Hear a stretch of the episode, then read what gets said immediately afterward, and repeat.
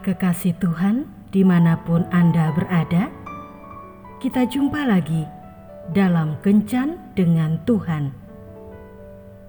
Edisi Rabu 2 Juni 2021 Dalam Kencan kita kali ini, kita akan merenungkan bacaan dari Mazmur bab 31 ayat 10. Kasihanilah aku ya Tuhan, sebab aku merasa sesak. Karena sakit hati mengidaplah mataku, meranalah jiwa dan tubuhku. Saudara-saudari yang terkasih, suatu ketika ada seorang pemuda yang datang ke tempat pelayanan Pak Dodi untuk minta didoakan. Ia menceritakan kesesakan hatinya bahwa ia membenci ibunya karena ibunya berselingkuh dengan pria lain di hadapan ayahnya. Sang ayah tidak berdaya untuk menyadarkan ibunya. Dia begitu dendam dengan ibunya, bahkan ingin membunuh ibunya. Pengalaman pahit karena sikap ibunya telah menimbulkan sakit hati dan luka yang begitu dalam disadari atau tidak.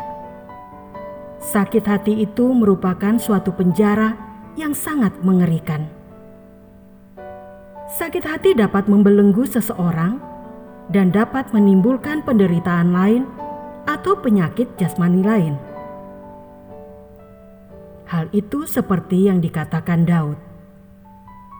Karena sakit hati mengidaplah mataku, meranalah jiwa dan tubuhku melihat bahwa dampak yang ditimbulkan oleh sakit hati itu negatif, maka seharusnya kita berusaha untuk membebaskan diri darinya.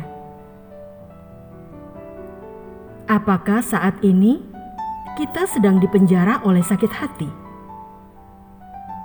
Keluarlah dari penjara itu, karena sakit hati hanya akan membuat kita menderita secara jasmani dan rohani.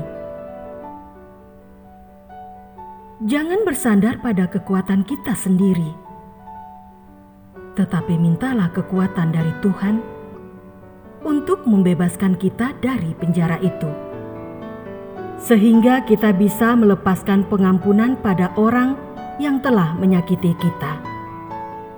Tuhan Yesus memberkati. Marilah berdoa. Tuhan Yesus, saat ini aku begitu terbelenggu oleh rasa sakit hati terhadap seseorang. Aku sudah berusaha untuk mengampuninya, tetapi rasanya aku tidak mampu untuk melupakan peristiwa yang menyakitkan itu. Aku begitu tersiksa dan dadaku terasa sesak bila mengingatnya. Aku mau bebas dari semua ini. Tuhan Yesus, tolonglah aku, jamalah hatiku. Berilah ketenangan dalam hatiku, dan curahkanlah roh pengampunan masuk dalam hatiku, agar aku mampu melepaskan pengampunan untuk orang-orang yang telah menyakitiku.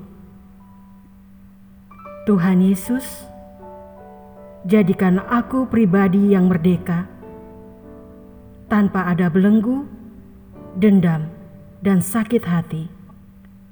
Amin.